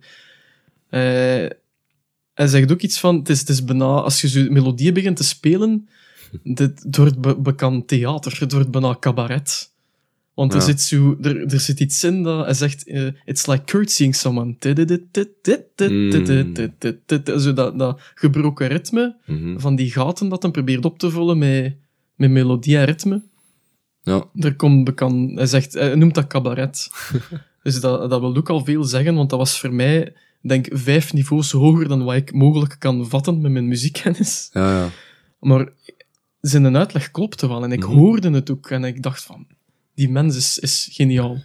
Ja, Dat als je zoiets ontdekt, inderdaad, dat, dat is op, Ja. ja. daar kijk ik ook op, zo'n En informatie. dat is je hebt in het begin van de podcast ergens gezegd, er is geen andere band die speelt like Queens, er is Mhm. geen andere gitarist die doet wat dat Josh Homme doet Mhm. en die ermee wegkomt. Ja, ja. Dat, is, dat, is, dat, is een hele bizarre stijl van Ja, spelen ja, ja. hij heeft. En dat komt terug in al die platen en dat, dat Ja. geeft ook die identiteit aan alles in wat dat hij doet. Ja. Them Crooked Vultures, Ja. Eagles of Death Metal misschien minder omdat hem er drumt, maar even goed. Mhm. Queens of the Stone Age. Eh, wat heeft hem nog? de Post-Pop Depression, Mhm. dat project met Iggy Pop dat hem gedaan heeft, en de drummer van Arctic Monkeys. Mhm. Eh, zit hij ook volledig in. Dat, Mm. en KS ten zelf... De, de, daarmee dat ik zeg 75% van al. Ja, ja, Als die gitaar speelt in de groep, dan gaat Ja. weten wat eruit gaat komen. En dat gaat altijd origineel zijn. ja, die heeft iets ontdekt, echt. Ja, Hè? ja. Ja. En ik, ik, ik heb me al afgevraagd sinds dat ik het interview gezien heb. Hetgeen dat hem daar beschrijft. Ik stel me dan nu voor dat, dat ze dat tonen op een groot scherm ergens in een muziekschool. en dat, dat ze dat gaan zitten ontleden van Hmm. hoe, hoe komt hij erop? hoe kunnen we dat in een regel gieten? Hoe kunnen we dat nadoen, zodat we dat kunnen leren aan andere mensen? Ja, ja. Ik denk niet dat je dat kunt. Goh, ik weet het niet. Ik, ik heb me van de week ook liggen, liggen afvragen zo van, hey, klassieke muziek is onderhevig aan regels om te componeren. Ehm, ik denk dat dat net de genialiteit zit in het toepassen van die regels. Je dat toch net op zo'n manier kunt doen dat Ja. het niet voorspelbaar wordt, dat, het, dat je er toch je eigen ding nog mee doet. Je blijft de regels volgen, maar ehm, je doet er iets geniaal mee. Ik denk dat dat dat een beetje is. Ja. Het, uiteindelijk zal er wel een structuur in, in te vinden zijn. Ehm, niemand zal het ooit kunnen gelijk. Daar ben ik ook wel van overtuigd. Maar ik denk wel dat het zal werken. Ik denk, moesten wij ons erop toeleggen, zou we ook wel met een Queen's riff kunnen afkomen. Zo. Ehm, maar ik denk dat net het verschil tussen dan goed klinken of slecht klinken, hem ook weer zit in persoonlijke genialiteit. Niet in zozeer het perfect kunnen toepassen van die regel. Ja, ja, ja. Ehm, voor zover dat er een regeling Ja. gaat kunnen gevonden worden in hetgeen dat hij doet. Want hetgeen dat hem uitlegt, ik weet zelfs niet dat hem er bewust bij nadenkt. Ah, wel, ik denk dat ook niet eigenlijk. Dat die zal die gaat hem hem- dat zo eigen gemokt hebben, denk ik. Dat is hem gewoon. Want hoe is dat ontstaan? Dat, dat is misschien een, een gebrek aan een bepaalde techniek dat hij voelt, waar dat hij voor gecompenseerd heeft met dat, Ja. maar waar dat hij wel van gehoord heeft van oké, dat marcheert voor Kijk mij. naar eh, Django Reinhardt. eh, Die man Ja. eh, die speelt met drie, Drie vingers vingers. zijn akkoorden. En Ja. dat is juist zijn genialiteit. Ja. Dat is een van de, voor de mensen die hem niet kennen, dat is een Belg. Eh, een van de beroemdste, beste gitaristen die er ooit zijn geweest. En die mens speelden zijn akkoorden inderdaad met drie vingers, omdat hem er twee was kwijtgeraakt door een brand of zo. Inderdaad. ik. Ja. En die, die, supersnel. Ah. Die, die mens is, dat is, een- dat is een kanon. Dat, die speelt vooral, ze noemen dat gypsy jazz. hè. Gypsy, ja. Ehm, zo van die swing uit de jaren 30, 20, 30. Maar dat, dat, dat swingt echt en dat is Mhm. echt leuk voor naar te luisteren. Ehm, maar ja, ik- ja, ja ik, snap, ik snap waar dat je naartoe wilt. ik zeg nu vijf niveaus boven mijn begrip. Ehm, in, muzie- in een muziekschool zitten natuurlijk mensen die, die het er verleven. Ja, ja. Die zullen er misschien wel nog iets uit kunnen halen, maar ik denk dan even goed dat het een handvol mensen zullen zijn die er een eigen ding mee kunnen ja. doen. Soms denk ik van, ik, ben, ik heb een beetje spijt dat ik de theoretische kennis wat mis. Anderzijds zou ik nooit de nummers kunnen maken die ik nu maak, moest ik de een- kennis ja. hebben. Een double-edged Dus is- sword, gelijk dat ze misschien zeggen. is dat mijn handicap, juist. Maar dat ik ombuig in een eigenheid. Maar dat is ook iets dat jij mij altijd blijven zeggen hebt. Eh, je doet het met je eigen beperking, Ja. Je muziek. Eigenlijk komt dat van Richard Ashcroft, Ja. de zanger van The Verve. Ja. Die is ook van, ik ben vocalist, ik ben zanger, maar ik doe dat met mijn mogelijkheden. Roeien met de riemen dat je Voilà. hebt. Ja. En dat, dat vind ik zalig. Dat, is ook, dat is iets dat heel veel terugkomt met heel veel jeugd nu, die zelf muziek beginnen maken. Ja. En dat is ook wel een deel de reden waarom dat er zoveel variatie is nu. En echt een... Ja. Allee, ja, ik bedoel dit niet per se negatief, ook al Mm. denk ik er soms wel over. Er is een Mhm. overaanbod Mhm. Van die Wat- muziek. Wat nuance wel is, dat heb ik er juist ook gezegd, van wat je doet of wat je kunt, moet goed zijn. Hm. En goed is een heel ruim begrip. Eh, dat wil voor mij zelfs niet bepaald zeggen dat dat ehm, juist gestemd moet zijn of zo. Het mag, het mag zelfs vals Ja, klinken, ja, ja. het mag er zelfs naast zitten, maar het moet kloppen. Mhm. Dat vooral, het moet kloppen. Ja. Eh, en dan maakt dat geen fuck uit of dat je Nee, geen virtuoos zit of niet. Nee, Ik inderdaad. denk dat mensen met weinig theoretische kennis die je als een maagd een instrument in pollen geeft, Mhm. zalige dingen voor de dag kunnen, Absoluut. met zalige dingen voor de dag kunnen komen. Als dat in ons zit, Er is een volledig genre gebouwd en gegroeid uit vier akkoorden uiteindelijk. mhm, Met de Beatles. Dus mhm. ja, Ehm, ik heb nog een, een kleine anekdote dat misschien wel een schone eh, afsluiter is, Oké. waar dat Queens eigenlijk verstond. mhm, Ehm, en dat is de, de naam van de groep komt eh, van een, een, een koosnaam die Chris Goss gaf on Caius. Zijn de Queens of the Stone Age. echt. Eh, omdat ze, ik weet niet in welke context dat opgekomen is, maar er was even, even sprake van Kings of the Stone Age. Hè, voor, misschien een naam voor Caius of zo. Mhm. Eh, maar ze zeiden van nee, Kings would be too macho. Ja, Um, uh, kings wear armor, wield axes, and they wrestle. And the queens of the Stone Age hang, hang out with the king's girlfriends while they wrestle. Uh, en dan zegt hem: uh, Rock should be heavy enough for the boys and sweet enough for the girls. That way everyone's happy and it's more of a party. en ik denk dat dat de Ja. nagel op de kop is voor Ja. wat Queens probeert te doen. sowieso. Met al hun muziek. Ja. Sowieso. Ook met die laatste plaat, hè, want dat is heel... heel je, luistert er je denkt van, is dat nog rock and roll? maar ik denk dat dat dikke rock and roll is. En ik denk dat hem dat zeker. zelf heel goed genoeg weet, want in, in de styling dat, ze, dat hem heeft of adopteert voor die plaat, leren jaksjes en Ja. haar naar achter, hij speelt het zo uit of hij is zo'n biker uit de Ja. jaren 50 bekend. Bewust. Voor te laten zien van, deze is nu mijn rock and roll. ja. Deze is we allemaal op gaan feesten nu.